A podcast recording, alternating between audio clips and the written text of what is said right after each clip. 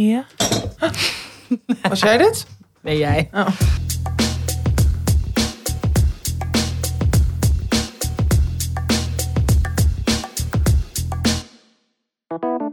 Dag mensen, welkom bij Tussen 30 en Doodgaande Levensvragen. Hallo. Als je dit nu hoort, dan is het waarschijnlijk donderdag.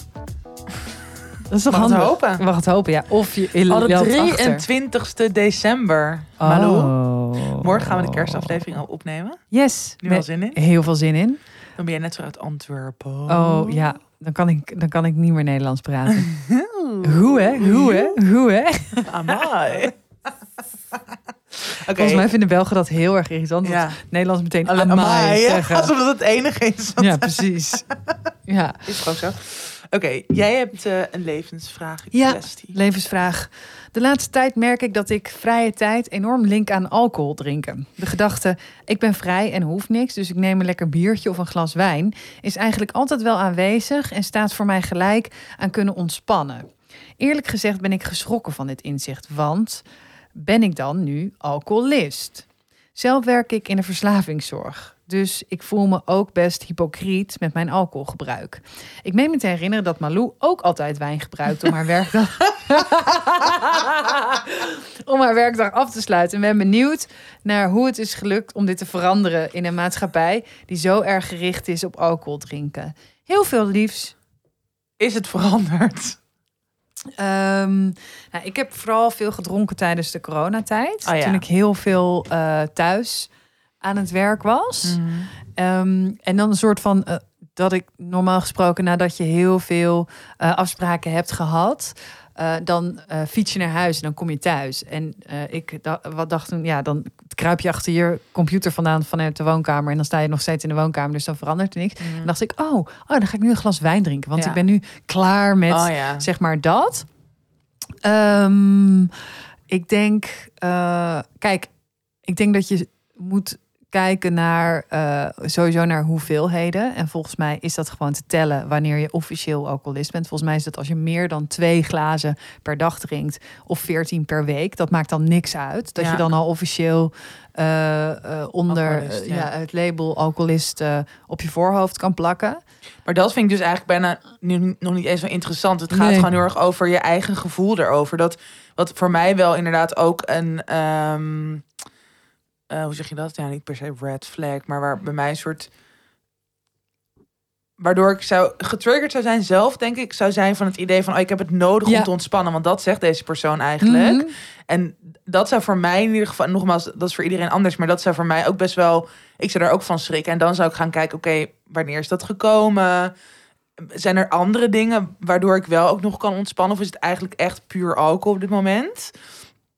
En, en, en, en daar dan gaan kijken of, of het bijvoorbeeld ook helpt om een wandelingetje te gaan maken. Of om, ja, weet ik veel wat te gaan doen. Ja, alleen ik denk wel dat het, eh, kijk, dat het met, eh, eh, dan weer wel met een hoeveel. Want als je één glas wijn per dag drinkt en je je daar helemaal prima bij voelt en dat eventjes jouw moment is, Ja. weet ik ook niet of dat nou echt dan zo, kijk, zuip je daarna die hele fles leeg Ja. of worden het twee of drie of vier glazen? Ja, Ehm, Ja, en is dit eens. zo standaard en, en raak je in paniek als het er niet is? Of, Ja, maar dat is dus meer dat je die afhankelijkheid, denk Ja. ik. En dat is dus nogmaals, kijk, tuurlijk, als het, als het elke, of als het heel vaak vier of vijf glazen worden, of als, als je niet kan stoppen, ja, dat zegt natuurlijk ook wat. Maar Mhm. voor mij is het, kijk, en dat is bij echt iedereen anders, maar ik, ik had bijvoorbeeld, eh, ik dronk tot afgelopen jaar eigenlijk echt heel weinig, Ja, of relatief weinig.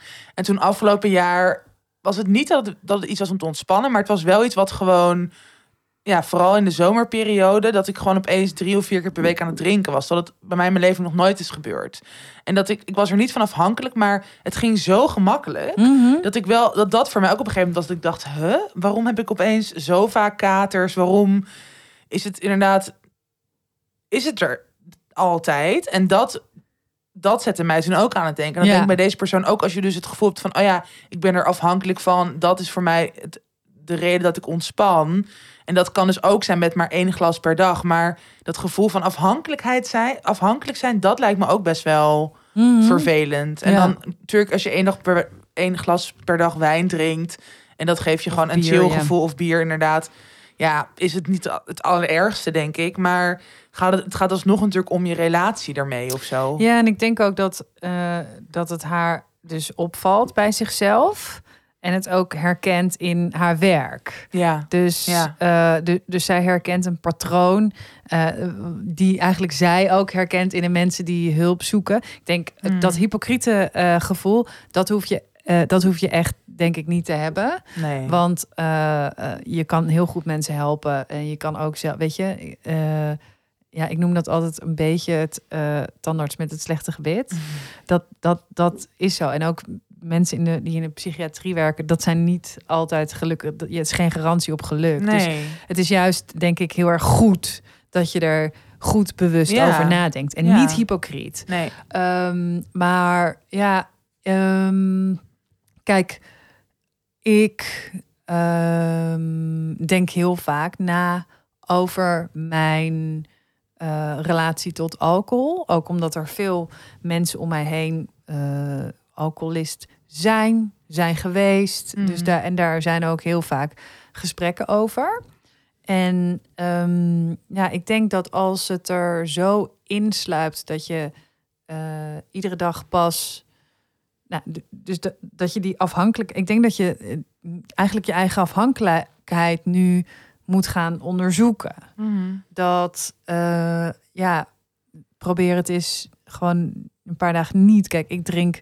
eh, ik ben er eigenlijk niet meer mee bezig. Dus ik kom er nu wel eens achter dat ik denk: oh, ik heb al twee dagen of drie dagen niet gedronken. Mhm. Weet je wel dat. En zo denk ik dat je het een beetje in de gaten. Maar als jij, als het er continu is en je denkt er continu aan, ehm, dan is het misschien handig om ehm, met jezelf iets af te spreken Mhm. en kijken hoe dat gaat. Namelijk, ja, bijvoorbeeld, nou dan drink ik alleen maar op donderdag, vrijdag of eh, en zaterdag Ja. bijvoorbeeld, of alleen in het weekend, of Mhm. eh, en kan dat? En ja, of misschien als je heel, ja, als je misschien heel veel drinkt, misschien drink je wel niet als je werkt, want je zegt, ik heb het heel erg met zodra er vrije tijd is, Mhm. dan, dan moet er gedronken worden. Dus misschien gaat het wel over het aantal wat je dan drinkt. Dat je dan Ja. bijvoorbeeld vroeg begint. Of, maar ik weet ook dat het helemaal als je bijvoorbeeld... nou, kijk, ik, heb het, ik woon niet samen met Rinsen. Maar wij hebben heel vaak, als we dan elkaar zien... en we hebben elkaar heel lang niet gezien... dat je dan zo echt om vijf uur al denkt... oh, leuk, oh, laten we even Ja. lekker een glas wijn drinken Ja. samen. En dan... En, en wat wij nu dan heel vaak doen is... oh, hey, wat leuk. Oh, kom, gaan we even lekker een theetje drinken... of even samen lekker even ergens koffie drinken of zo. Dat maakt op zich ja. helemaal geen reet uit. Wat het dan Dus- is, ja. ja, maar dus gewoon kan- even een momentje creëren. Ja, dus je kan het uitstellen. Mhm. Dus, je, dus wanneer je een, drankje neemt, kan je uitstellen. Heel bewust. Mhm. En als dat helemaal oké gaat, dan, dan is dat gewoon heel prettig. Want als je veel later begint, dan drink je eh, waarschijnlijk ook Minder. minder. Ja. Je kan een aantal met jezelf eh, afspreken. eh, en gewoon proberen. eh, ja, ik zou gewoon echt eventjes onderzoeken waar, waar komt het vandaan. En, Ja, en- want ze zegt, wat, volgens mij is het een vrouw, maar die persoon zegt dat, ehm, dat het dus is veranderd ook volgens mij wel. ja, Dus, Dus dat, dat- is misschien wel interessant om te kijken van, oké, kan, je, kan je herleiden wanneer dat was, waar dat Ja. aan ligt. Ja, en dus volgens mij ook wel echt kijken, oké, maar wat zijn andere manieren waardoor ik wel in ontspanning kan komen? Of wa- Mhm. waardoor lukt het niet meer om ergens anders ontspanning te vinden? En als je er nou wel achter komt dat het zorgen zijn, dus dat, dat je echt dat je echt zorgen Ja, maakt erover, Dat, en dat je dat denkt, het reëel is, zeg maar. Dat je ja, zorgt. dat je denkt, nou, volgens mij eh, heb ik niet helemaal de controle meer zelf. Dan heb je ehm, bijvoorbeeld Kick Your Habits. Hm. eh, waar je je kan melden en waar je eh supergoed eh, geholpen kan worden en geadviseerd kan worden hierover.